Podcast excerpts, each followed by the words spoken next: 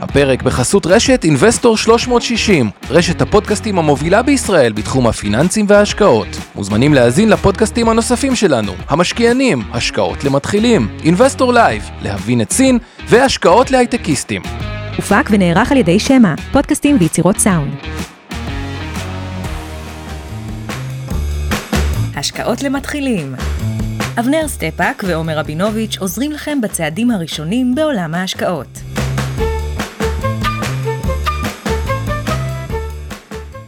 נדבר היום במניות קצת ספציפיות, קשה להדגים אה, בלי מניות אה, ספציפיות, אז אה, מהבחינה הזאת כמובן זה הכל לימודי, צאו מתוך נקודת הנחה שיש לנו אינטרס שהמניות יעלו ושהשוק יעלה, ושאו מיטב דש אבנר, אקס מנכ"ל ובעלים או אינבסטור 360 מחזיקים במניות האלה, אה, אז זה ככה איזה אזהרת אה, סיכון. אז באמת, שבוע שעבר, אה, נכנסנו פעם ראשונה, לקחנו את החומרים הפרקטיים שהבנו כבר מה זה מניה, ושהיא מקנה לנו זכות בדיבידנד, אנחנו גם רוצים שהיא תעלה, ודיברנו קצת על מכפילים, וראינו דוגמאות על נייקי ועל, אה, אה, ועל זום.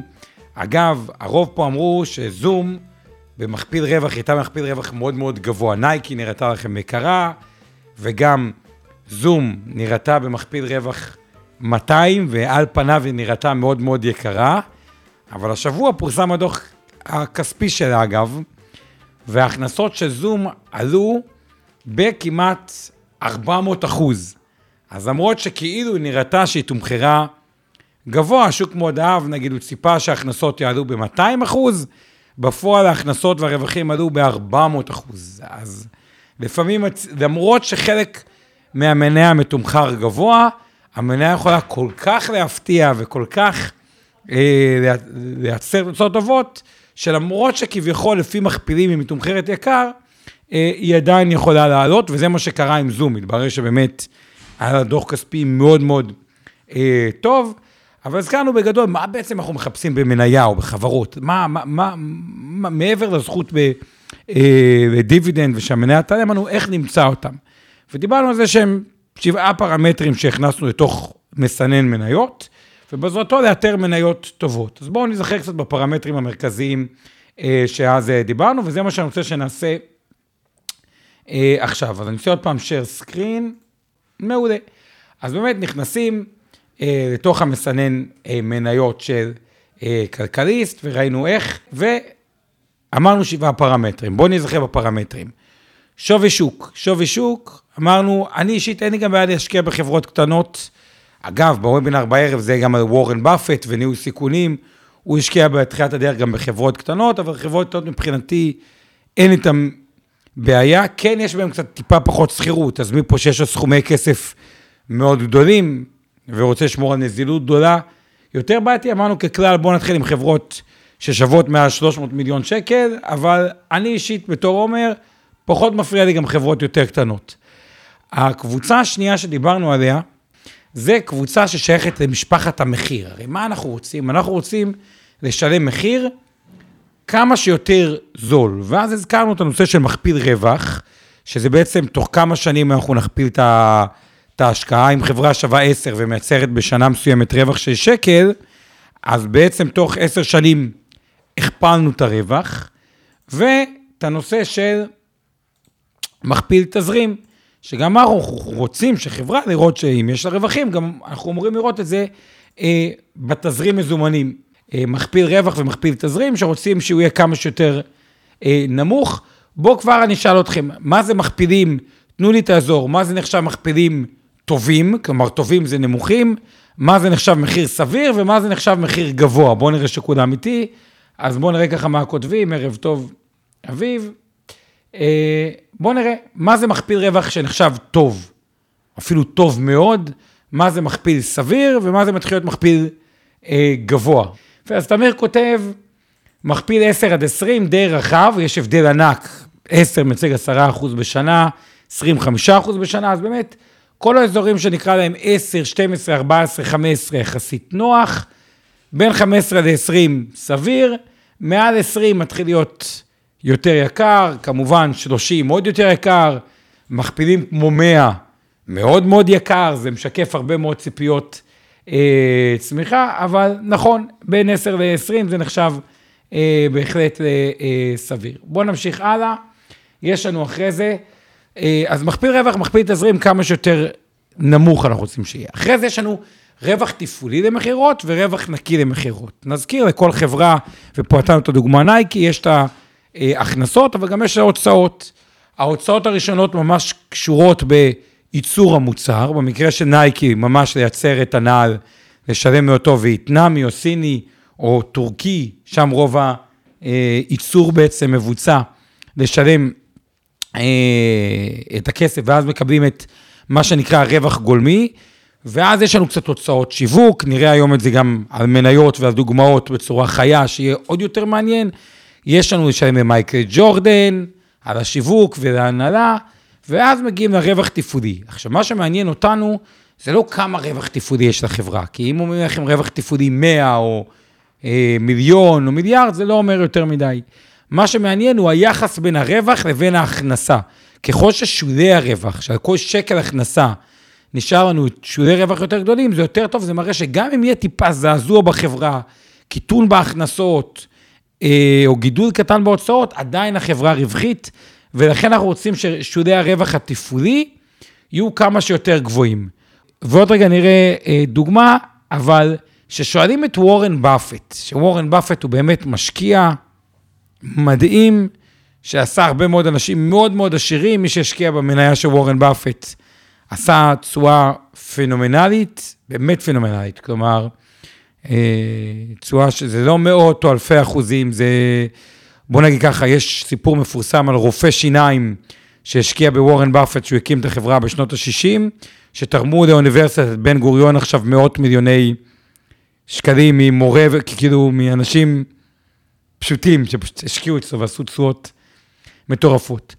תשואת דיבידנד, זה נורא נחמד אם יש לנו דיבידנד של 3, 4, 5 אחוז לשנה, בטח בעולם של ריבית אפס, אז זה שמקבלים דיבידנד בצורה שוטפת זה נחמד, ותשואה של 12 חודשים אחרונים. פחות משנה לי, כי אם המניה ירדה או עלתה, מה זה בעצם כל כך קריטי מבחינתי אם המניה עלתה או ירדה? אם היא ירדה אולי זו הזדמנות, אם היא עלתה אולי תמשיך לעלות.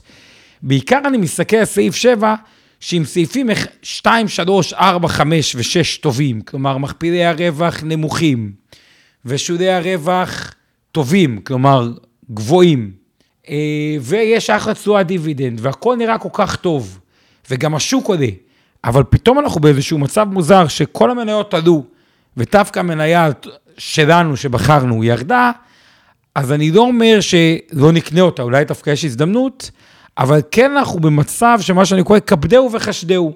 כלומר, טיפה אה, לבחון יותר לעומק. אז ככה, זה דיברנו פעם שעברה, ואמרנו שווי שוק, ופה אמרנו מה זה, שזה אה, בעצם השווי של החברה, מספר המניות כפול מחיר המניה, ואז אמרנו מכפיל רווח, ואני מזכיר כמה שיותר נמוך, אינדיקציה להאם המחיר המניה יקר או זול. אנחנו רוצים שיהיה כמה שיותר נמוך, מחיר מניה לחלק לרווח השנתי של המניה, ותזרים, מחיר, תזרים אותו דבר, רק במקום הרווח זה גם ממש התזרים, תדמיינו מין קופסה ענקית, שהחברה היא לא הייתה רווח תיאורטי, כי כשאתם קונים מחשב ומשלמים בכרטיס אשראי, אז כבר מכירים בהכנסה וברווח, אבל הכסף עוד לא התקבל. אז כלומר, אם משלמים בכרטיס אשראי, ציפייה היא שזה יתקבל. כלומר, אה, אנחנו מצפים שבאמת אה, נראה את הכסף בקופה, אז תדמיינו כאילו החברה היא איזה ארגז מפוצץ בכסף, ולא לוקחים לפי הרווח התיאורטי, אלא לפי ממש המזומן שנכנס ויוצא מהקופה. זה המכפיל אה, תזרים, ושולי רווח, הבאנו פה דוגמה פעם שעברה, מכירות נגיד 100, הוצאות 60, זה אומר רווח תפעולי 40, זה אומר שולי רווח של 40 אחוז. נרצה לפחות עשרה אחוזים, עוד רגע נעבור לסקנר ונתחיל לחפש מניות. ופה מראים כאילו הוצאות המימון והמיסים היו 30, אז הרווח הנקי הוא רק עשרה אחוזים. אז אנחנו רוצים גם שולי רווח נקי כמה שיותר אה, גבוהים, אמרנו נתחיל מחברות עם שולי רווח מעל חמישה אחוזים, אה, דיבידנד, אנחנו אוהבים דיבידנדים, אנחנו רוצים דיבידנדים, אנחנו רוצים כסף שאנחנו מקבלים אותו כדיבידנדים, זה נחמד, בטח בעולם של ריבית אפס, אז פה רואים את התשואת דיבידנד, ותשואה 12 חודשים אחרונים. ואז סיימנו את השיעור, בזה שנכנסנו לסקנר, ועוד רגע נעבור לשלב הבא, אבל נראה את השיעורי בית שנתתי לכם.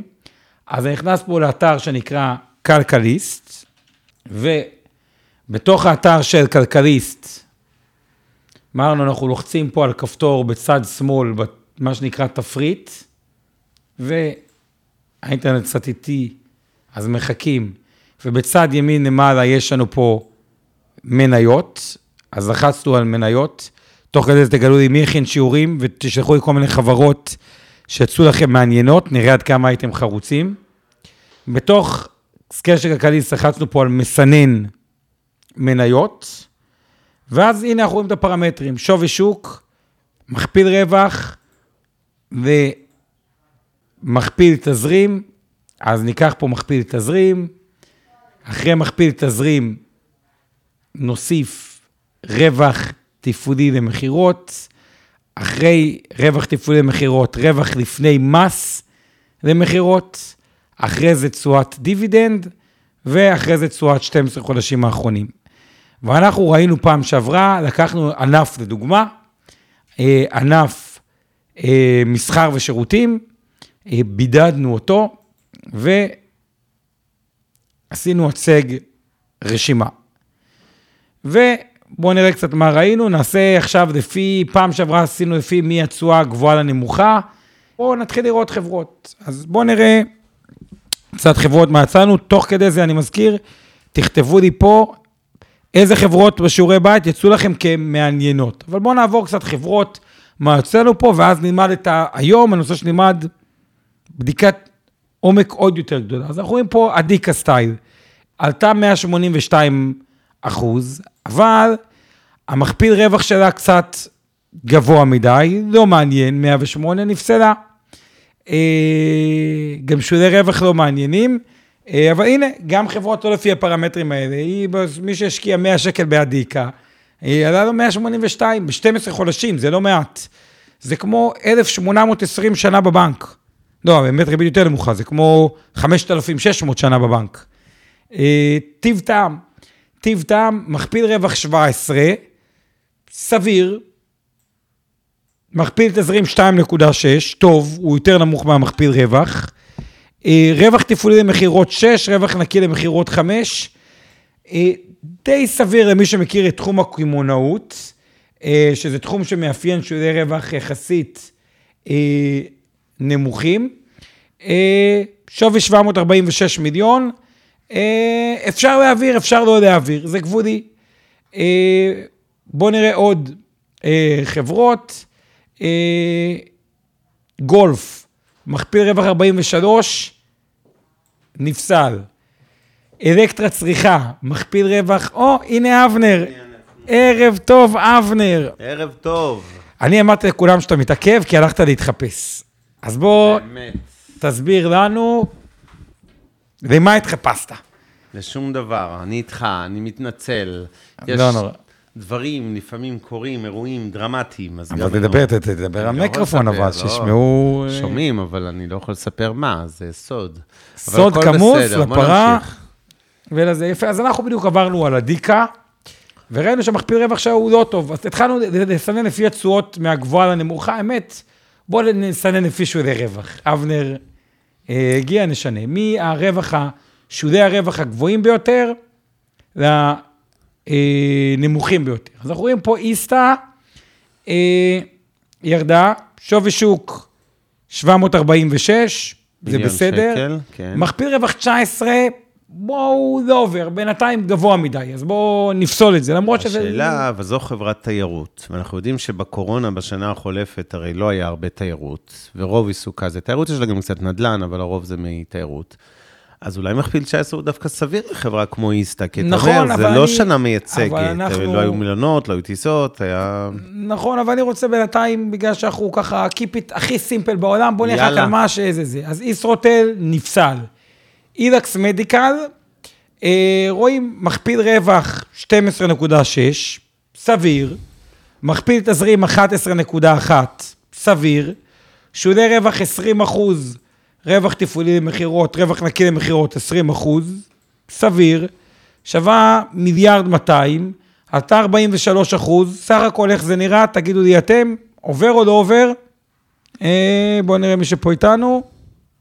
אה, נראה בסדר, סך הכל, בואו נעביר את זה אה, הלאה. כותב לנו פה באמת אה, עמית ורועי, שעובר, עובר. מסכים. נקסט, גלובר, גלוברנדס. גלובל ברנדס. גלובל ברנדס. אוקיי, רואים שאני... זה... אה, מה זה גלובל ברנדס? לא יודע אני, אבל בואו נמשיך. 8% מכפיל רווח, מצוין. מכפיל תזרים גבוה ממכפיל רווח.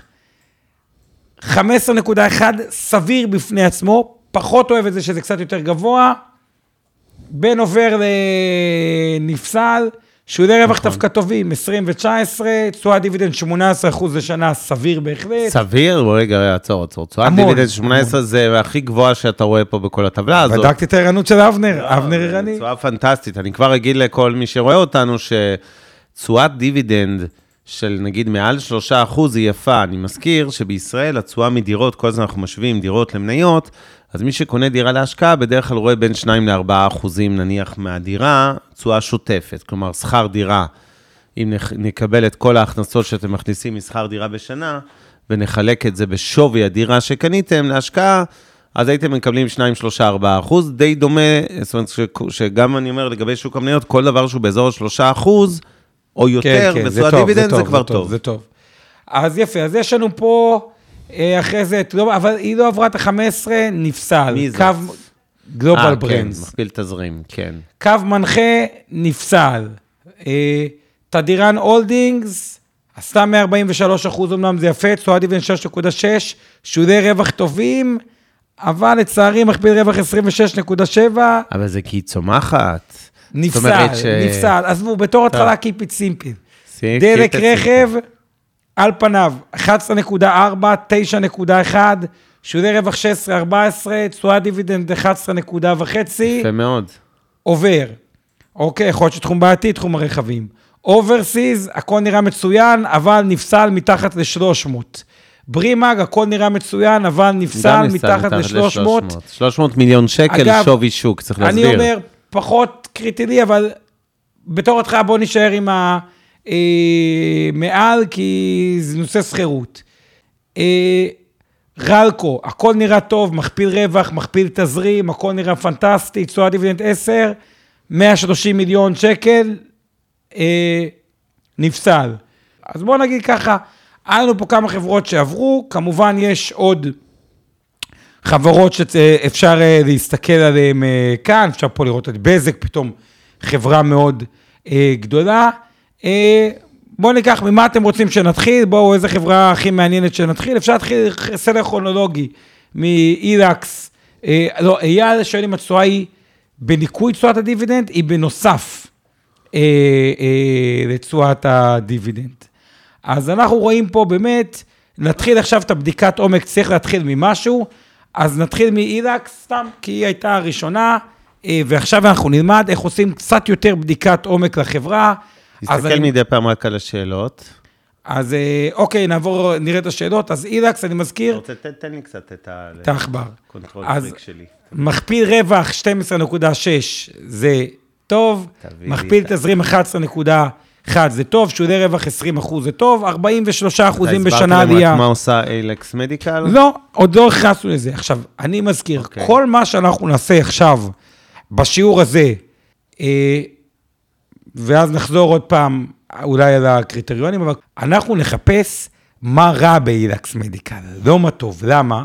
כי מראש, במקרה הזה, כשאנחנו מדברים על השקעות ערך, ואני מזכיר, יש לנו חברות שאנחנו נשקיע בהן בגלל צמיחה, כמו זום, אז המכפיל מראש הוא מאוד מאוד גרוע, אז צריכים למצוא המון המון סיבות, גבוה, כן, מכפיל גבוה, כן. למה זה טוב, אוקיי? אבל מראש, אם כל הנתונים טובים, אז אנחנו מחפשים בעיקר, אוקיי, למה זה רע? אם זה יצמח, זה בונוס, אבל מראש פה, המכפיל 12.6, מייצג תשואה שהיא טובה, של כמעט עשרה אחוזים בשנה, לפני צמיחה. אז קודם כל אנחנו רוצים לראות בכאלה מכפילים שהכל אה, טוב. אז נעבור קודם כל, הדבר הבא אוקיי, שאנחנו עושים... לפני זה, יונתן שטרק שואל אותנו, ורק נזכיר רגע את המושגים האלה. קודם כל, מה זה שולי רווח שאתה חוזר כל הזמן? אז שולי רווח זה הרווח התפעולי אה, ביחס למכירות, או הרווח לפני מס ביחד למכירות. אתם רואים את שני הטורים האלה פה בטבלה, שאנחנו רואים, זה בעצם, אם לחברה יש 100 מיליון שקל הכנסות בשנה,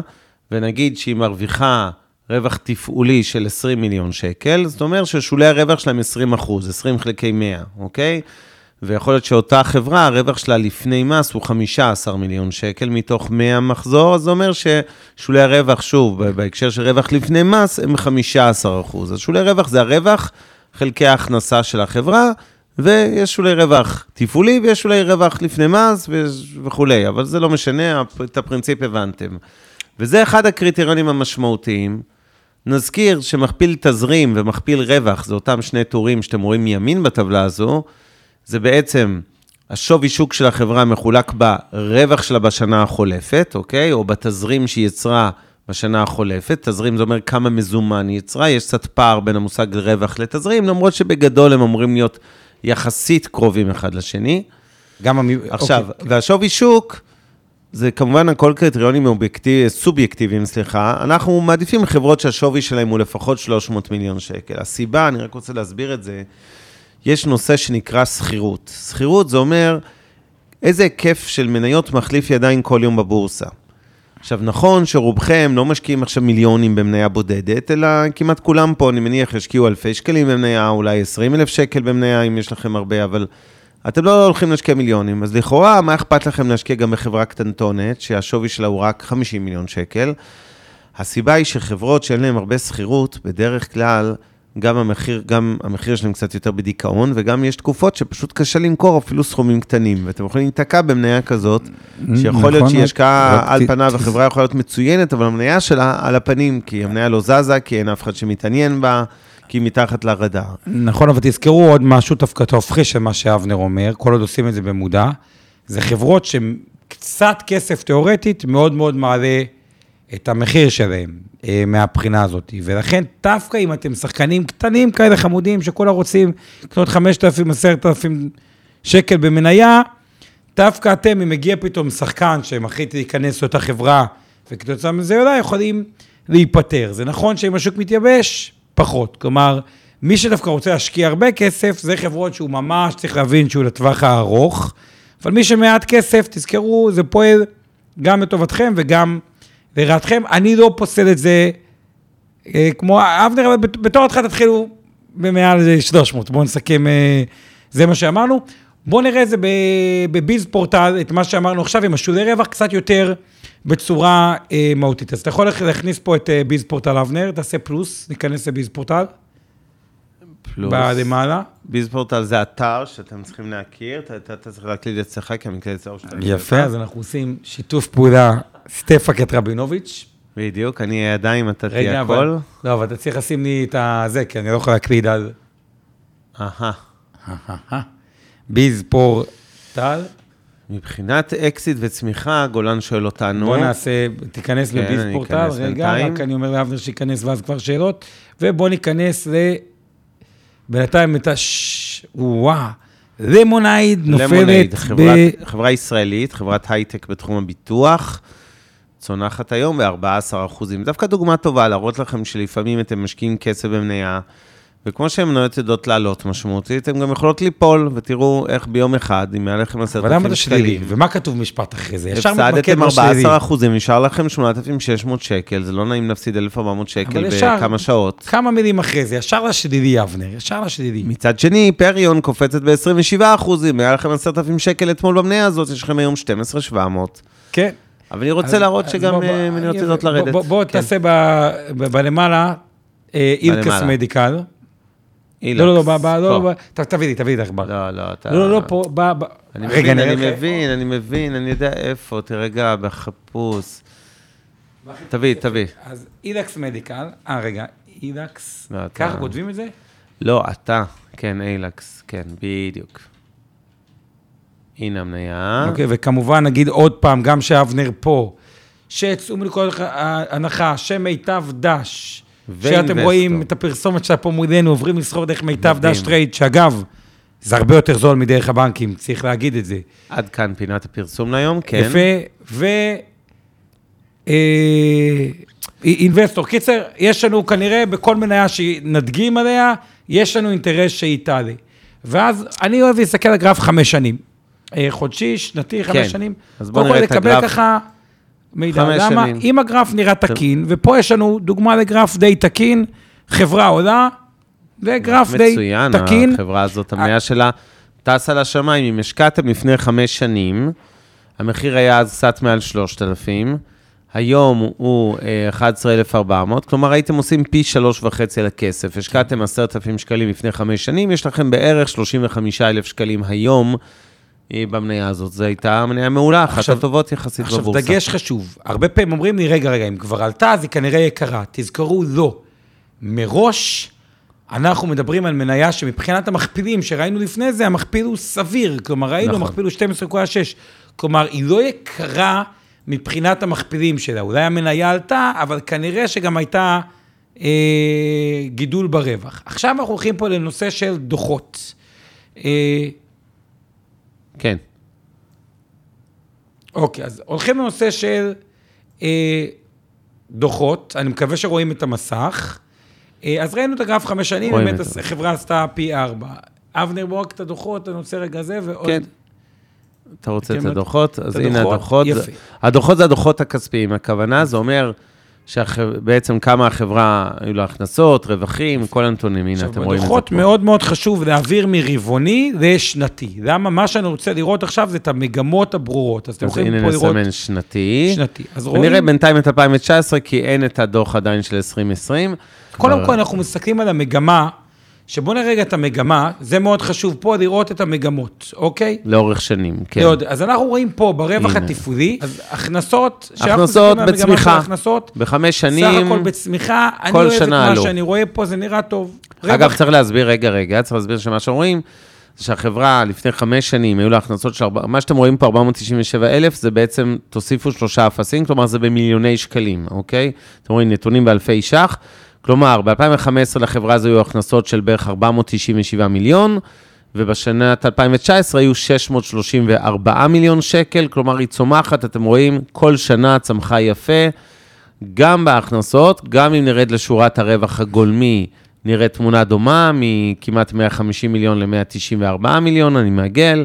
הרווח התפעולי יותר מהכפיל את עצמו, מ-39 מיליון לפני חמש שנים ל-80 מיליון ב-2019, וגם הרווח הנקי, זה שאחרי המיסים והכול, אתם רואים פה רווח נקי, היה 31 מיליון ב-2015, והשנה, או ליתר דיוק ב-2019, הוא היה כפול כמעט בדיוק, על קצת מעל 60 מיליון שקלים. יפה, אז פה האמת לא ראינו שום דבר, על פניו, אה, זה נראה בסדר גמור, כלומר מגמות מאוד ברורות, בדרך כלל זה לא ככה. נכון. אחרי זה אפשר להעביר לרווח תפעולי, סתם אנחנו רוצים לראות, אה, כן, זה אתר על- מצוין, אני חייב להגיד. על רווח תפעולי, תלחץ עוד קליק על הרווח התפעולי. נגיד, כן, וגם נלחץ על רואים הרווח את זה גם גרפית, תרד למטה. בכוונה אני כבר אוסיף לנו את הרווח הנקי. רווח לפני מס, אני יותר אתם אוהב. רואים כי- פה, אני יותר אוהב כן. מרווח נקי לרווח לפני מס, כי לפעמים המס מעוות. את התמונה. מסכים איתך. לטוב ולרע, אז תעלה טיפה למעלה, תלחץ במקום רווח נקי, רווח לפני מס.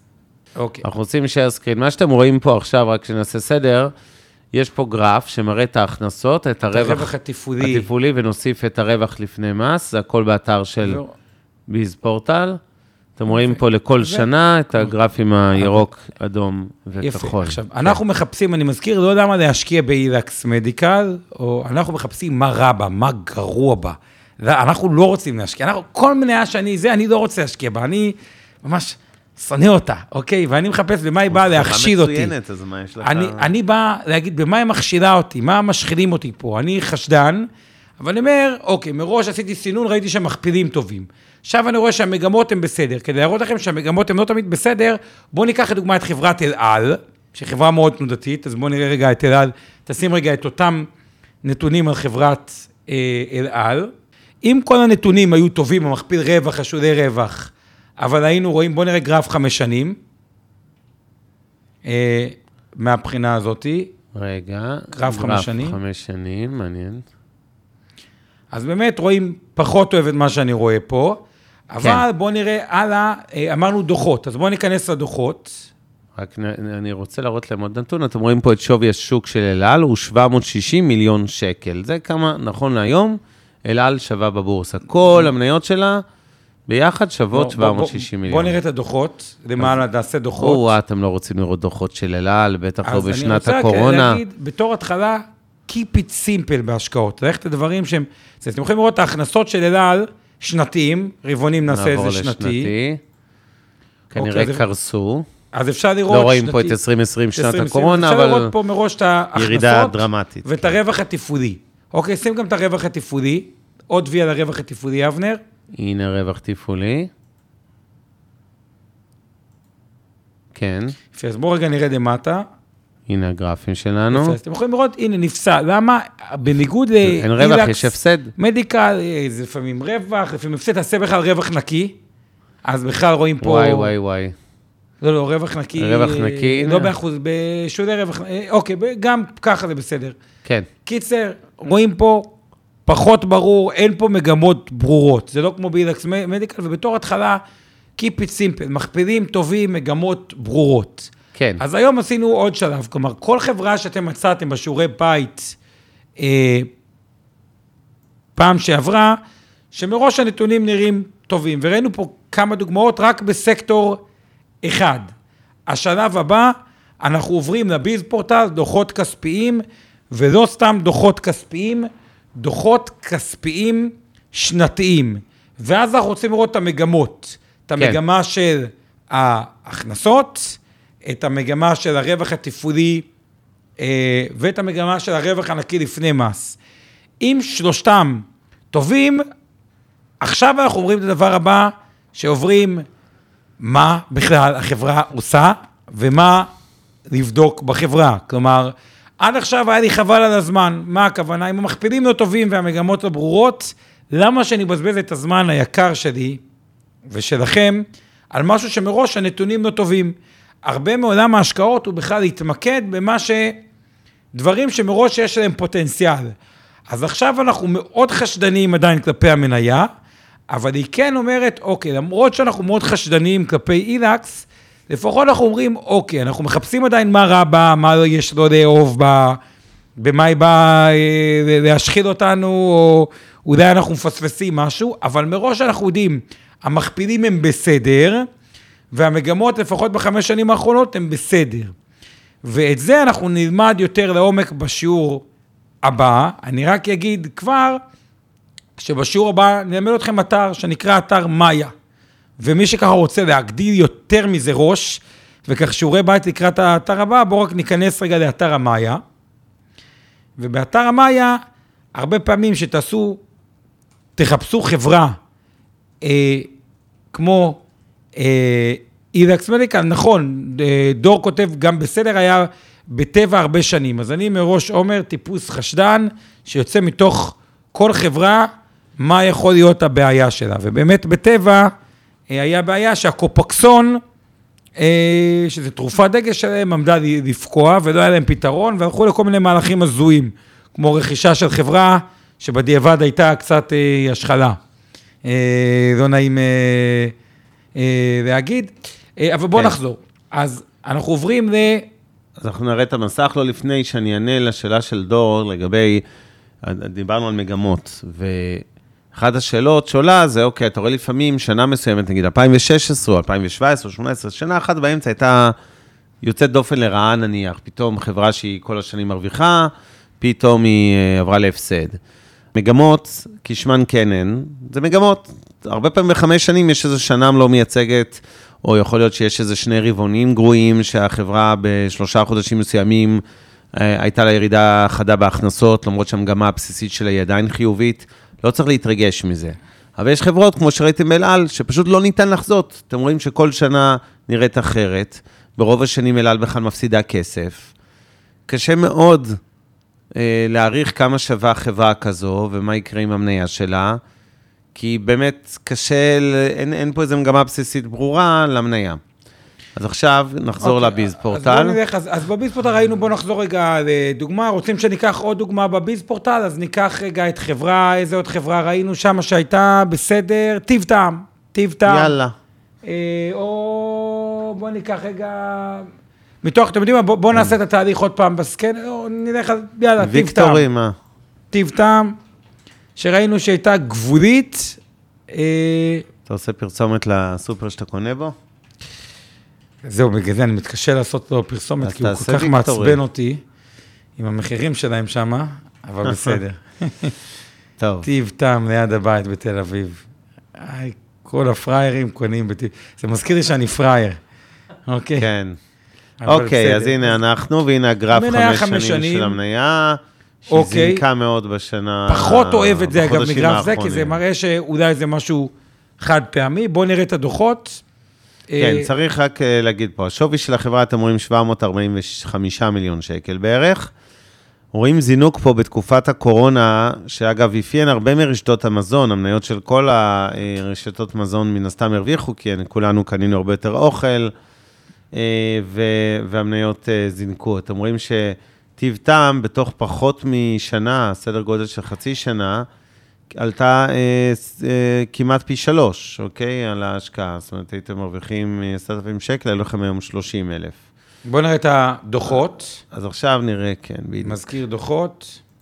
ושוב, אנחנו לא מחפשים למה כן להשקיע, שם המשחק בהשקעות, אנחנו מחפשים למה לא להשקיע.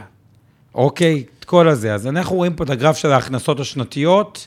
שוב, זה לפני הקורונה, אז ב-2020 צפו כמובן לעלייה חדה, זה לא יהיו המספרים שראינו פה. אוקיי? ובואו נראה את ההכנסות, ורווח איזה עוד שורה אתה רוצה? תפעולי, ונפסל. יפה, ישר נפסל מהזה, רווח תפעולי. למה? חברה הפסידה ב-2016 ברווח תפעולי, לא אוהב את זה. מה, שנה אחת של רווח? אני אגיד לך למה כן, אני פחות כן, אוהב יש, את המניה. לא, נפסל. מבחינתנו over. אצלך זה נפסל, אוקיי, אתה פיינשמקר, אני אגיד ככה. אה, לא, כי- אתם רואים שאין פה, פה איזושהי מגמה ברורה ברווח. אם נסתכל על אה, שורת הרווח פה, אז היא מאוד תנודתית. הרווח הנקי וגם הרווח התפעולי, אתם רואים שנה אחת גבוה, שנה אחרי זה הפסד, שנה שלישית קופץ, שנה רביעית צונח, שנה חמישית מזנק. זה לא מצב כל כך בריא. כמובן ש-2020 היא תהיה חריגה לטובה, וזה גם נקודה שצריך להגיד לגבי, למשל, הדוגמה של מניות מזון. ופה אתם לא צריכים להיות כלכלנים ומומחים גדולים אה, לקרוא דוחות כספיים ואת כל הנתונים. כולנו יודעים שהשנה הזאת, אה, בשנת 2020 שחלפה, וגם החודשים הראשונים של 2021, בתעשיית רשתות השיווק, רשתות המזון, היא כנראה שנה חריגה ולא מייצגת. זאת אומרת, ברור שבשנה האחרונה הרשתות האלה הרוויחו המון כסף, היה להם צמיחה חדה בהכנסות, ועלייה בכל הרווחים, התפעולי והנקי וכולי. אבל זה לא שנה שאפשר להגיד, אה, אוקיי, בוא נכפיל את זה עכשיו ונניח שזה מה שהיה, זה גם מה שיהיה קדימה. זה ברור שברגע שהקורונה תירגע, אז אנשים יצרכו פחות מזון, אולי הם יצרכו יותר במסעדות בתי קפה, אבל פחות אה, יקנו בסופרים, וזה יחזור לאיזושהי נורמליות, כמו שאנשים היו קונים בשנים שאתם רואים פה בגרף הזה, בין 2015 ל-2019. ולכן, קצת מסוכן לקפוץ על המניות האלה, שאתם רואים שהמניה הזאת של טיב טעם עלתה נגיד פי שלוש בתקופה מאוד קצרה יחסית של פחות משנה. אה, לא בטוח שמהיום קדימה זה כזו השקעה טובה, כי סביר להניח שברגע שתיגמר קורונה, הרווחים שלה יחזרו, וכשהם יחזרו והם ייראו כמו שראינו פה, אם הם יהיו ברמה כזאת של תנודתיות, של הפסדים ורווחים, ופעם הרווח הוא עולה ופעם הוא צונח, אבל, אבל דווקא אני רוצה יותר קשה. לזרום. בוא נניח שעכשיו כל השנים הבאות יהיו ממש מעודות. אנחנו בשלב הזה של ההשקעות שאנחנו לומדים, אז מעדיף שנלך לדברים שהכל נראה יאללה. ברור. כלומר, אחרי זה ניכנס בהשקעות המתקדמים, בשיעורים יותר מתקדמים, לכל מיני חברות שעושות ביטויים כמו turnaround, כלומר, שהיו במצב פחות טוב, שיפרו דברים. פתאום אסטרטגיית צמיחה חדשה, טריגר. אבל בשלב הזה אני אלך לדברים שרוצים שיראו ברור. אוקיי, בואו נלך לאתר הבא, וזה מה שאני אתן לכם בשיעורי בית, ואז נעבור עוד מעט לקהות שלנו. אז אנחנו הולכים לאתר, אז ראינו את הביזפורטל, אני מבקש שכל אחד באמת כשיעורי בית, ייקח כמה, את הסקנר של כלכליסט. אגב, לא רק ב- בסקטור שאנחנו עשינו, לכו גם בסקטור כימיה, גומי ופלסטיק, אה, ועוד רגע נראה באתר של כלכליסט, אוקיי, ויעשה? את אותה בדיקה. עכשיו, זה הדבר האחרון, שאנחנו לא נצלול אליו היום, אבל כבר לחרוצים שביניכם, אני רוצה לתת ככה הקדמה. מאיה, מאיה זה אתר של הבורסה, אנחנו עכשיו לא בשיתוף. הוא לא השם הבא, עכשיו זה אתר- השם הבת שלך, לא? ברור, הבת שלי קוראים לה מאיה, אבל אה, כן. זה שם הבת של אגב, אבנר. תהיה בטוח, זה- מאיה זה ראשי תיבות של מערכת אינטרנט להודעות.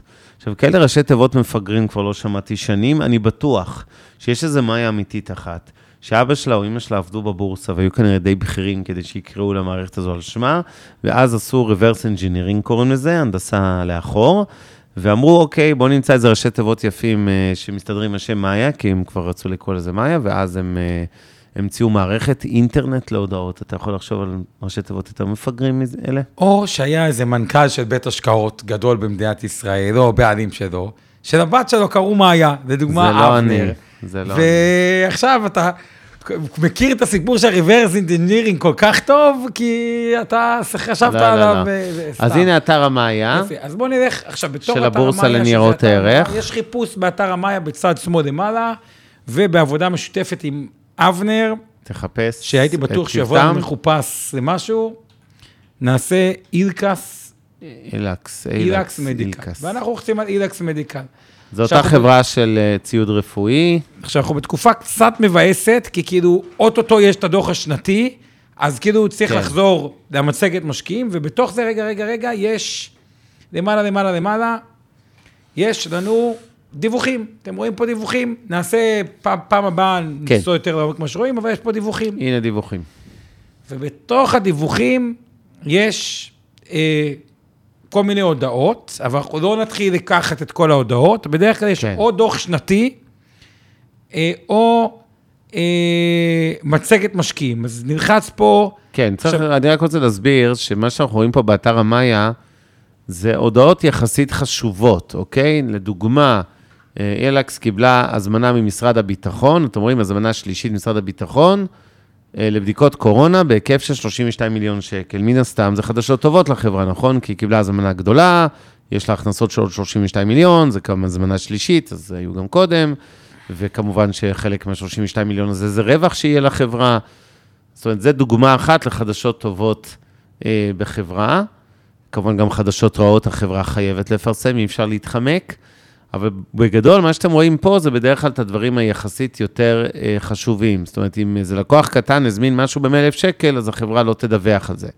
אבל הזמנות כאלה של מיליוני שקלים רבים, אתם רואים פה עוד הזמנה של משרד הביטחון, 13 מיליון וכולי, הם חייבים לדווח לציבור, לכם המשקיעים, כדי שיהיה לכם את כל המידע. מה הרעיון מאחורי זה? כשאתם קונים מניה, אתם רוצים לדעת, או כשאתם מוכרים מניה, אגב, זה, זה אותו דבר, הרשות לניירות ערך, שהיא הגורם שמשגיח על הבורסה, היא הרגולטור, מה שנקרא, הגורם שמפקח על ההתנהלות בבורסה, רוצה לוודא שאתם קונים מניות, כי יש לכם את המידע אה, לכל המשקיעים, את אותו מידע, לא שמישהו שמע במקרה שהוא יודע שהם קיבלו הזמנה ממשרד הביטחון, ואתם לא יודעים את זה, ואולי מי שלא ידע והחזיק את המניה, מכר אותה בזול, כי בעצם הוא לא ידע שיש שם חדשות מאוד טובות, ולכן החברות חייבות מיידית, אה, ברגע שהן חותמות על חוזה, אה, או, או קורה להן איזשהו חדשות מאוד טובות או מאוד רעות, מה שנקרא מהותי, לא על כל קשקוש, אז חייבים אה, בעצם אה, אה,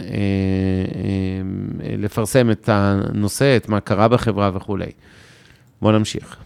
אוקיי, עכשיו אנחנו נעשה משהו שהוא טיפה משעמם, לצערי, באמת? אבל מה אני אעשה? מה אני אעשה? כי אם לא היה. השיעור הזה בעוד איזה שבועיים, אז כבר כנראה היו מפרסמים את הדוחות, כי במדינת ישראל שלנו, הכל כן. ברגע האחרון. נכון. בארה"ב כבר כל הדוחות השנתיים מפורסמים, במדינת ישראל, מתי התאריך האחרון שמותר לפרסם דוחות? 31 למרץ. סוף 31 הרבעון. למרץ. אז כמובן שעד סוף פברואר, שבארצות הברית כבר כולם כמעט דיווחו, בישראל מתחיל בתחילת מרץ לדווח. אז עונת הדוחות בישראל התחילה באמת בשבוע, שבועיים האחרונים. רוב הדוחות של החברות שהן בבורסה, יהיו יש... ברגע האחרון, כמו כל תזכיר לי, הישראלים. כמה חברות יש בבורסה בתל אביב? 500 ומשהו, נכון? כן. אז ה-500 חברות האלה, כולם מחכות אה, לרגע האחרון. מחכות רובן לשבועיים האחרונים של מרץ, בעיקר לימים האחרונים של מרץ, ואז אתם תראו מבול שכל החברות מפרסמות את הדוחות הכספיים שלהם, ואז יהיה לנו מעניין. ואז יהיה מעניין. אבל עכשיו ישעמם לנו, אז מה שאנחנו נעשה, כן. נלחץ על הכפתור, דוחות, רגע למעלה פה, דוחות בדיווחים, לא, לא, לא, לא, לא, לא, למעלה, למעלה, למעלה, למעלה, לא, תיקח את כל הגלגול למעלה, לא, לא, לא. פשוט שרואים פה כל מיני רובריקות, בצד, הנה, הנה, יש פה כן. דוחות כספיים בהודעות, קבוצות ואירועים, קבוצות אירועים. כן, אפשר לבחור פה מה אתם רוצים לראות, איזה הודעות, כן. ולצערנו, נצטרך ללכת, ב- תעשה סינון. אז זה מראה רק את הדיווחים של אילקס לאורך השנים האחרונות של דוחות כספיים. כן, בעיקרון יש לכם ארבעה כאלה בשנה. ונצטרך כל. שלושה חודשים החברות צריכות לפרסם, פעם אחת בשנה זה השנתי, ועוד שלושה דוחות של רבעון ראשון, שני ושלישי, ערבי, בעצם כלול כבר בשנתי. אה, ו... אוקיי, המחשב. אבל מה רצית להראות להם? רק לא, שאני אבין. אני רוצה שהשעמום הוא, כי אנחנו נצטרך ללכת למידע ב-2019, אז אנחנו נעשה את זה ממש קצר היום, כי נלך לדוח כספי של 2019, שעוד רגע... אתה רוצה להעלות את הדוח של 19 בקיצור? כן, או מצגת, כן, ת- הנה, אתם יודעים מה? הנה, הנה, מצגת לשוק ההון רבעון 3 או. של שנת 2020. כן, אני... שים- אה, רגע, רגע, צריך להסביר לאנשים ש... סליחה, כמה דברים. קודם כל, לגבי השאלה רק, אה, אנחנו כרגע באתר המאיה של הבורסה, שבו כל חברה מה-500 ומשהו חברות בבורסה מפרסמת את, ה... את כל העסקאות ואת הדוחות הכספיים שלה וכולי. אה, אפשר לראות את החלק מהמידעים האלה כבר מעובד, נקרא לזה, בביזפורט או או בכלכליסט. ראיתם קודם טבלה עם הכנסות ומכירות. כלומר, האתרים הפיננסיים האלה, כמו ביזפור, ביזפורטל וכלכליסט שמצוינים, הם בעצם לוקחים את הנתונים מתוך הדוחות הכספיים ומביאים לכם את העיקר.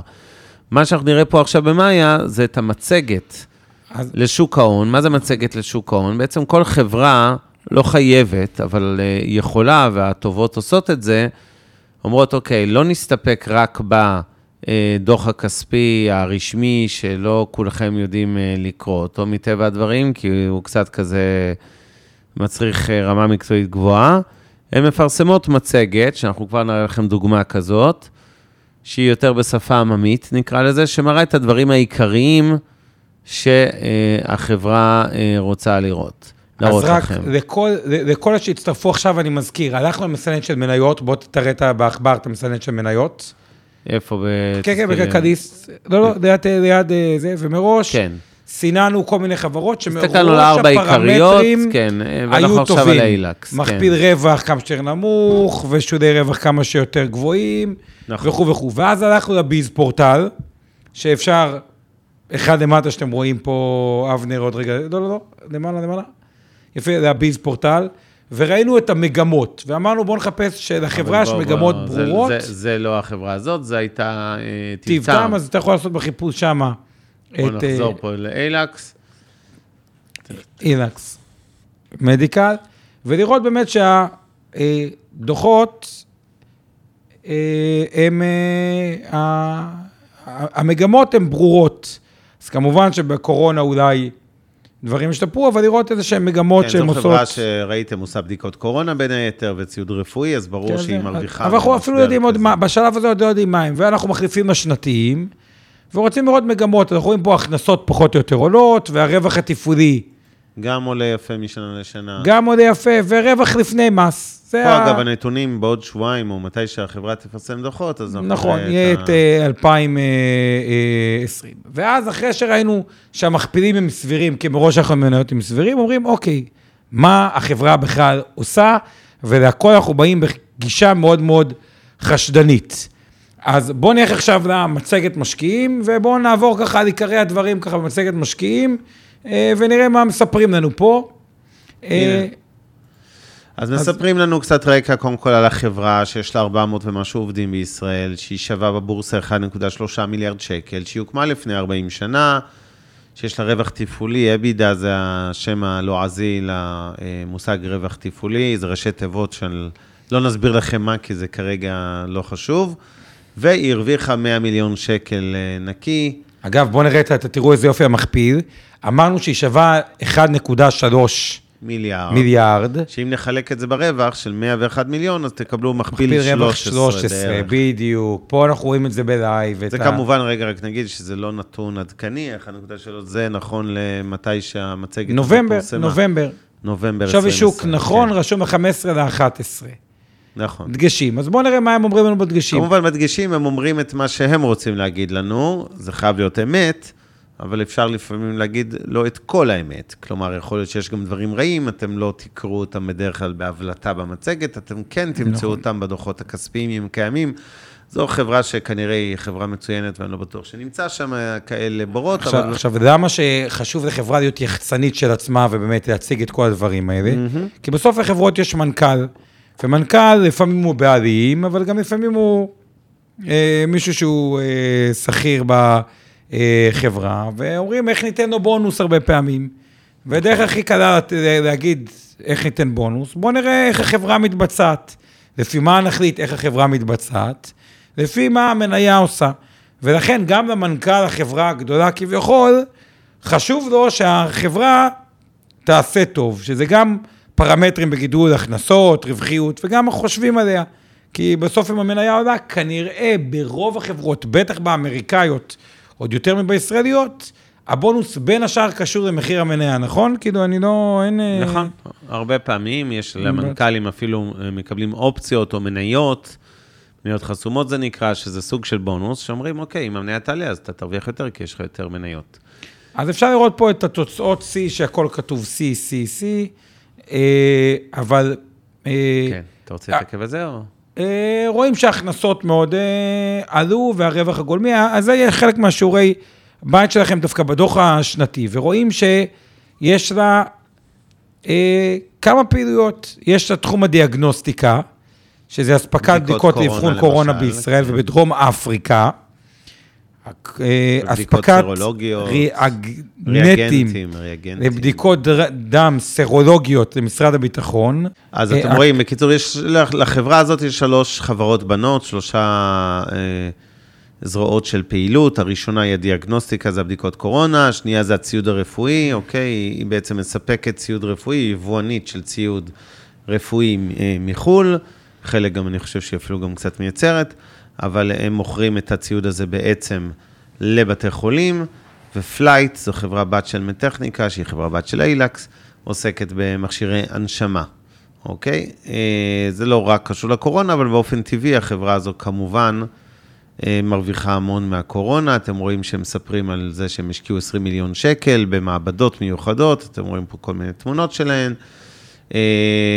והחלק החשוב זה התוצאות העסקיות. אז עד עכשיו ראינו ספרות נקרא לזה, את מה שהמנכ"ל רצה שנראה, את החדשות הטובות, אני מניח שהוא הצניע דברים שקצת פחות היו טובים, אבל פה רואים את המספרים. עכשיו שוב, אני רוצה להדגיש שני דברים. אחד, זה לא המלצה להשקעה באלקס מדיקל, אוקיי?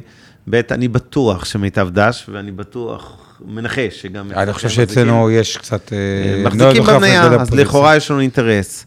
וג' והכי חשוב, זו חברה מצוינת, שהיא לא מייצגת, בסדר? בהרבה מובנים. אתם רואים פה חברה שבאמת צומחת צורה יפה מאוד בכל הפרמטרים, בהכנסות, ברווח הגולמי, ב-EBITDA, שזה הרווח התפעולי. אה, זה לא דוגמה מייצגת, זאת אומרת, בהרבה מאוד חברות, המצגות שלהם יראו קצת פחות אה, יפות, כי המציאות שלהם פחות יפה. אה, אז. חשוב להגיד את זה. ודור, אני אעיר רק לגבי ההערה שלך על איזה חברה שצומחת בגלל הקורונה, זה ברור שהקורונה עוזרת לה מאוד, אבל גם לפני הקורונה... המגמות היו, ראינו מגמות... לא- ראינו מגמה מאוד חיובית, ראיתם את החמש שנים, עלייה ברווח, בהכנסות, כאילו באמת הייתה אה, חברה שנראית מצוין, צומחת, זה חברה בריאה, נקרא לזה ככה. אה, נכון, אם כי תראו, 2018, הופ, יש לנו איזה קיטון קטן יחסית איפה אתה רואה? בתזרים מפעילות שוטפת, בסדר, אבל לא נורא. הרווח התפעולי לא והגולמי נורא, עלו, הרווח ההכנסות במיליונים, הכנסות מסכים. עלו משמעותית. ההכנסות, אגב, זה פרה-קורונה. שחברה תצמח זה- בח- תצמח ב-15% לשנה, כמו הממוצע שהיא עלתה ב-2017, 2018, 2019, זה נתון מרשים. יפה. ואז, אז סך הכל, גם פה שרואים את זה במצגת משקיעים, זה נראה בסדר. מאזן לא נדבר היום, אנחנו נסביר לכם מה זה. מאזן אה, בהמשך, נראה לי ש... אה, אה, אז זה נראה בסדר. מה שכן נעשה, ומי שרוצה כבר, באתר המאיה יש עוד דבר, זה אה, נראה סך הכל אה, בסדר גמור, ומפה היא כבר אה, מועמדת אה, רצינית, נגיד. ואז אנחנו אומרים את הדבר הבא, עכשיו, רגע לפני ההחלטה להיכנס, אפשר לעשות, להגיד, אוקיי, מספיק, ראינו בגדול, אין לנו כוח לחפור יותר מדי, קצת מכפילים, לנו אין כוח לחפור. לא, אנחנו... אה, זה אבל שלך. קצת מכפילים, דוחות, איזה מצגת משקיעים. כן. ויש כאלה שפעם אחת אומרים, וואלה, תנו לי, וזה המשקיעים הטובים, הרבה פעמים אומרים, פעם אחת אני אעשה הרבה מחקר בבדיקה, ואז שגר ושכח. אוקיי. ופה נכנס הדוח השנתי באמת במאיה, שלא נעשה אותו היום, נעשה אותו פעם הבאה, שקצת מפרט יותר על מי הלקוחות, ושאין... אה, ורגע, היא יבואנית של ציוד, ראינו. נכון. רגע, יש לה חוזים חזקים, היא מייצגת אותם הרבה שנים, היא כן. מייצגת חברות טובות, חברות פחות טובות, שם אפשר לקרוא קצת יותר, לקבל החלטה, אה, ולהכניס, בסוף וורן באפט אומר דבר כזה, המטרה שלנו בשיעורים היא לנסות ללמד אתכם כלים להשקיע בחברות שיעשו יותר מהממוצע, או גם שתרגישו איתם בנוח, שתפסידו פחות בתקופות אה, ירידה. אפשר גם לקנות מדדים, על זה נדבר בפעם אחרת, אבל אה, עד כאן להפעם אני מציע קהות וקצת שאלות, ואני טעות, שאלות, תשובות. בנוהל כן. הרגיל אנחנו 8.35. זה- כן, נדבר איתכם בעתיד אה, קצת יותר על דוחות כספיים, כדי שתדעו לקרוא ולהבין קצת יותר את המשמעות של כל ההכנסות והרווחים. בשלב הזה זה מספיק טוב להסתכל בסקנרים האלה, של סורקי המניות האלה שעומר הביא היום, אה, כלכליסט וביזפורטל מצוינים. זה שני אתרים, אגב, גם גלובס ודה מרקר כמובן, אתרי העיתונים, העיתונות הפיננסית, אבל אה, מבחינת ניתוח נתונים, אני חושב שביזפורטל הוא מאוד מאוד נוח טכנית אה, להשתמש בו, אז מוזמנים אה, לראות אותו. יש כמובן הרבה אתרי פיננסים בישראל, לא המון, יש את שלושת העיתונים הפיננסיים, הייתי אומר, גלובס, כלכליסט ודה מרקר, יש כמובן את אה, ביזפורטל, ויש גם את פאנדר, זה עוד אתר חשוב, אבל לכם, אני חושב שביזפורטל הוא אחד הכי חשובים מהחמישייה. אז תשקיעו, אני מאוד כועס עליכם אגב, שכששאלתי איזה מניות הבאתם להיום, מה ראיתי בתשובות? כלום מעט מכלום. מאוד.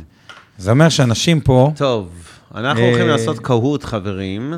אז אה, אני אומר לכם, אה, בנוהל הרגיל, כבר חוזר, אתה תיעלם, תסביר אני- לכולם למה התחפשת אה, שהתעכבת. התחפשתי ליפני, כבר חוזר, ביי בינתיים. טוב. מוזמנים להצטרף אלינו, ועוד מעט נתחיל את החידון שלנו. לא, לפני שבינתיים ננצל להודות uh, לכל מי שעושה איתנו במלאכה, כמו שאומרים, אורי טולדנו שיושב פה ומקליט אותנו לפודקאסט. מי שכבר נוהג בפקקים, שהוא כבר קיים, הגיע הזמן, הוא קיים, מה מחפשים, איך מוצאים אותנו? השקעות למתחילים, זה מה שאתם מחפשים בכל אפליקציה כמו ספוטיפיי ואחרות. יכולים לשמוע את הפודקאסט הזה, את השידור הזה. אנחנו גם אה, אה, שמים את השידורים עצמם בעמוד הפייסבוק שלי ובעמוד של אינבסטור 360. אה, אז תודה לך, אורי טולדנו, שעושה לנו את הפודקאסט, ותודה גדולה לשיר פלדמן, שמתמללת אותנו, שזה אומר שהיא עושה את כל הכתוביות למי שרוצה לראות את שפת, את ה, אה, אותנו בטקסט. והנה אנחנו מתחילים את הקהות שלנו, אני אקריא את השאלות כדי שמי שלא נכנס לקהות יוכל לשמוע, ונראה מי ינצח היום. אז אה, אנחנו יוצאים לדרך, ו...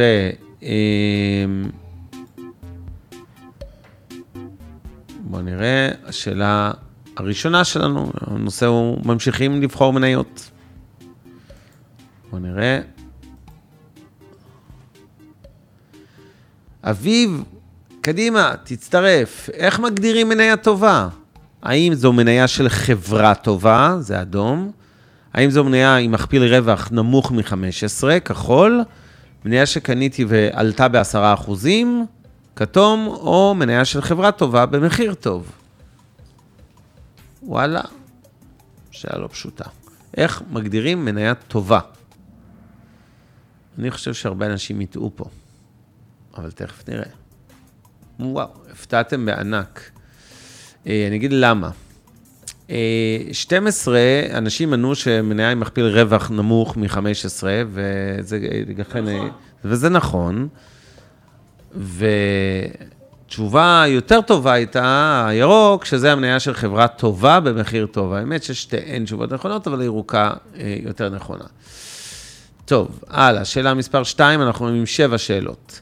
במה נתבק... נתמקד כשאנחנו באים לבדוק דוחות כספיים של חברות בביז פורטל? אדום בצמיחה של המכירות, בהכנסות, כלומר, במכירות, כמה הם צמחו. כחול בצמיחה של הרווח התפעולי, כתום בצמיחה של הרווח הנקי, או כל התשובות נכונות. מה יותר מעניין אותנו להסתכל כשאנחנו מסתכלים על דוחות כספיים של חברות? האם על המכירות שלהם, על הרווח התפעולי, או על הרווח הנקי, או על הכל? נראה לי שפה רובם ידעו, כמעט כולכם צדקתם על הכל. כל התשובות נכונות. אה, אני חושב שהצמיחה של הרווח התפעולי, אגב, הכחול, זה, זה, זה, הרווח התפעולי הוא הכי חשוב, אבל בהחלט שלושתם חשובים, פשוט הרווח התפעולי קצת יותר. אוקיי, חברה שיורדת באופן קבוע במכירות וברווח הנקי שלה. האם היא, א', אדום, יכולה להרשות לעצמה להגדיל את הדיבידנד, את הרווחים שהיא מחלקת, במילים אחרות? כחול, היא צריכה להאט או לעצור את הדיבידנדים ולדייק את המודל הכלכלי שלה. כתום, הדיבידנד מחולק מההון העצמי, לכן אין בעיה להמשיך כרגיל, או ירוק, אף תשובה לא נכונה. אוקיי? מה עושה חברה שההכנסות והרווח שלה כל הזמן יורדים? התשובה הנכונה היא הכחול. היא צריכה להאט או לעצור את חלוקת הדיבידנד. ברור שחברה שאתם רואים שהרווחים שלה הולכים וצוללים, יש חשש סביר שאולי אפילו היא תעבור להפסד, ויכול להיות שהיא צריכה לשמור את הכסף שלה בקופה, כי היא במצב מסוכן. אה, אוקיי, אלמוג בינתיים מוביל בפער גדול, בואו נראה אם זה יספיק לך עד הסוף, אלמוג. מה נרצה לראות אה, לגבי מכפיל התזרים? אדום, שהוא חיובי ונמוך ממכפיל הרווח, כחול שהוא זהה למכפיל הרווח, כתום שהוא גבוה ממכפיל הרווח, או זה לא ממש משנה ירוק. מה אני רוצה לראות לגבי מכפיל התזרים? אני מזכיר לכם, זה אחד הטורים שאנחנו בודקים בסקנרים של המניות.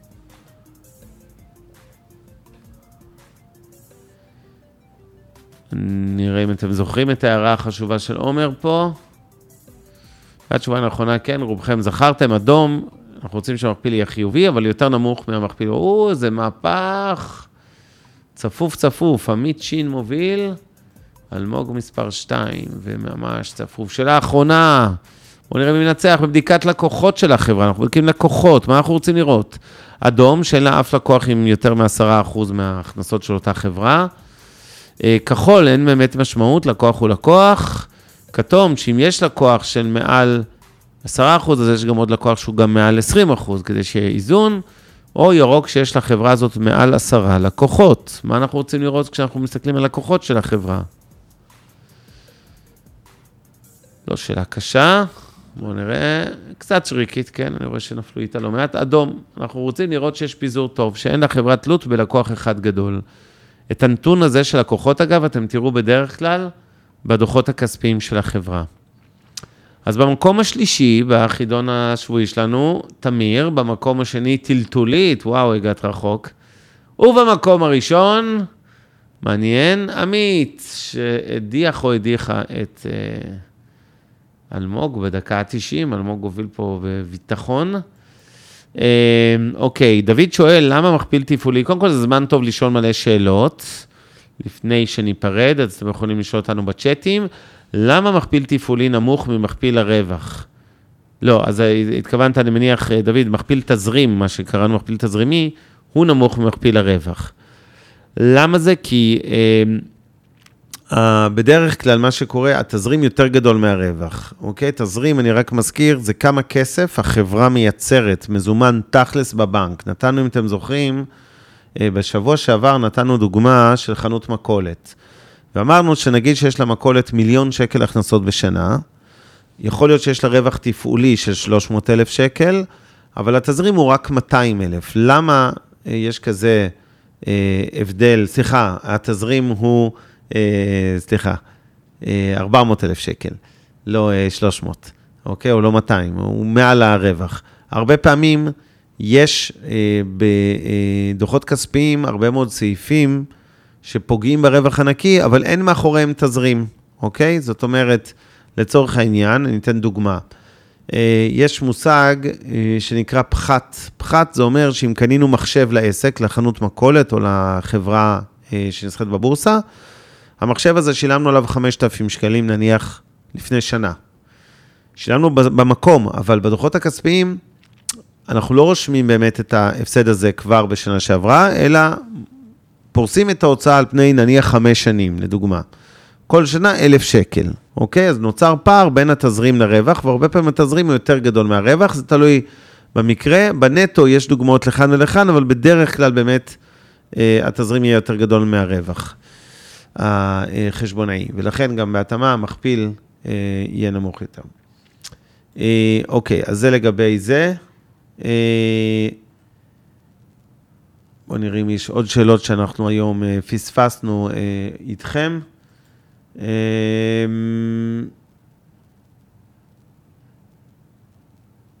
בואו נראה, האם הכלכליסט מנתח מניות גם בארצות הברית? כן, בעיקר מניות ישראליות שנסחרות בנסדק. אה, תמיר שואל, במה מצוין המחזור בשח או דולר או במניות? כן, בדרך כלל, אוקיי, צריך להגיד את זה.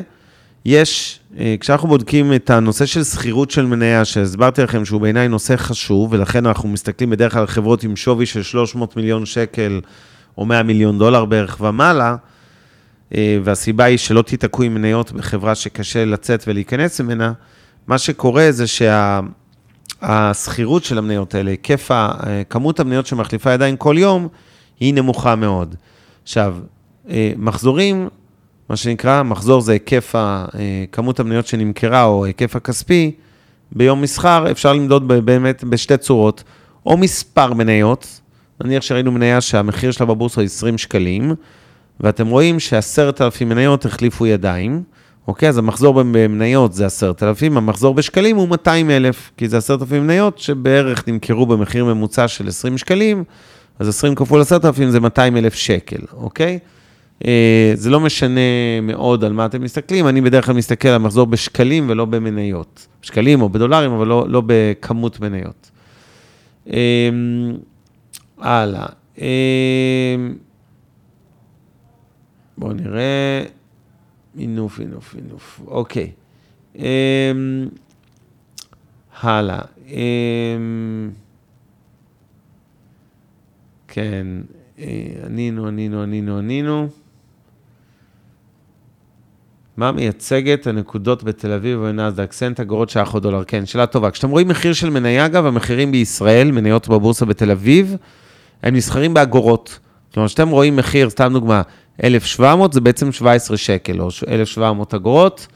בארצות הברית הם נסחרים בדולרים שלמים. כשאתם רואים מניה שנסחרת ב-3.26, אז זה 3 דולרים, 3 דולר ו-26 סנט, אוקיי? זה השיטה בארצות הברית. מה זה? למה בישראל זה גאות? לא יודע, אין לזה הסבר. כן, מילה חשובה, שאל אותנו קודם דור לגבי איילקס, וזה התניע לי עוד נושא חשוב, וזה, וזה באמת שה... אה, אה, הרבה פעמים לא מספיק להסתכל על דוחות כספיים, אלא צריך להסתכל במאיה, שהראינו לכם כל מיני דעות חשובות, כי לפעמים יש הודעות שהן יצאו בדיוק היום או השבוע, שהן עוד לא משתקפות בדוחות, אוקיי? לדוגמה, ראינו קודם את אילקס עם ההזמנות של הקורונה, ראיתם את זה? אילקס עוד לא פרסמה את הדוחות של שנת 2020. הדוח האחרון שהיא פרסמה נכון ל-30 לתשיעי 2020. זאת אומרת, כבר עברה, עברו חמישה חודשים, כמעט בדיוק, חמישה חודשים ויומיים, מאז ה-30 לתשיעי. קרו דברים בחמישה חודשים האלה שמשפיעים על מחיר המניה. לדוגמה, ראינו שהיא פרסמה כמה פעמים שהיא קיבלה הזמנות של הקורונה. אה, אז זה דבר שהוא נורא חשוב, אה, לא להסתפק רק בלקרוא דוחות כספיים, גם לא להסתפק בתמצית שהראינו לכם באתרים כמו כלכליסט ובויז פורטל, זה בהחלט כלי נוח, חשוב ופשוט. יחד עם זאת, חשוב לראות גם במאיה, אה, האם יש הודעות חשובות, אסטרטגיות, דברים משמעותיים, טובים או רעים שקרו מאז. אה, אז זה לגבי אה, דוחות וכולי. טוב, נעשה כמה דקות, שתי דקות פינה חברתית, כרגיל. והיום אני רוצה לדבר איתכם על מקום מקסים, נקרא כפר אהבה. זו עמותה, פנימיית ילדים ונוער בסיכון, שהיא אחת מעשרות פנימיות שיש בישראל, היא נמצאת בכפר ביאליק, כפר ביאליק זה מושב בתוך קריית ביאליק, ליד חיפה. אה, כפר אהבה זה מקום שאני מאוד אוהב, אני מתנדב שם כבר המון שנים, אני מפיק שם אה, בכל שנה, למעט שנת הקורונה, את אה, שבוע האופנה, אנחנו קוראים לזה, אנחנו רותמים את חברות האופנה הישראליות הגדולות כדי להביא בגדים חדשים, וגם אנשים תורמים יד שנייה, אבל יד שנייה ברמה גבוהה. כלומר, בגדים באמת שהם שמורים יחסית.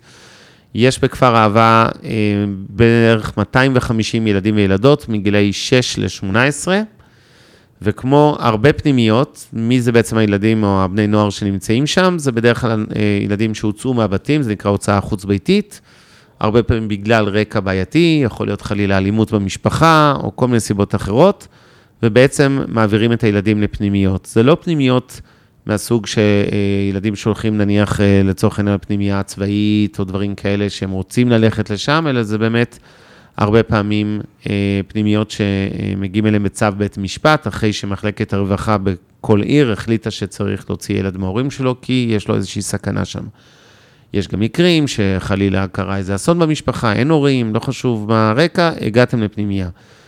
אה, כפר אהבה זה מקום שהתחיל בברלין לפני 100 שנה. יש בניין, מי שביקר בברלין ועושה סיור בכל מיני אתרים שם, אז יש את מוסד אהבה, זה נקרא. זה הבניין המקורי של פנימיית אהבה. אה, רגע לפני השואה, ב-1936, מי שהקים את מוסד אהבה, שגם שם היה פנימייה של אה, יתומים, נקרא לזה מעין בית יתומים, אה, שם זה באמת היה יתומים, בארץ כמובן זה ילדים שבדרך כלל לרובם כן יש הורים. הם עברו בעצם מ... היא הצילה אותם מהשואה וברחה איתם לישראל, ואז הגיעה והקימו את מוסד האהבה בכפר ביאליק, וכן, אמנון מעדכן אותנו שם, מנהלת, כן, עופרה, אתה תזכיר לי את השם, לא, לוינסון או שם דומה, הייתה נשואה לרפול ז"ל, הרמטכ"ל לשעבר, עופרה מאירסון, כמדומני, והמנכ"ל היום זה יואב אפלבוים. וזה מקום מהמם, אחת הפנימיות הטובות בעיניי בישראל, אני מכיר המון פנימיות, אה, ואני אומר את זה סתם לא בשביל לגייס מכם כסף לתרום, אבל שתכירו, זה מקום היסטורי, קיים 100 אה, שנה, אה, כמעט 100 שנה. בדרך לשם, והמודל בפנימיות, גם בכפר אהבה, הוא נקרא המודל של משפחתונים. זה מודל שהולך ונהיה נפוץ יותר.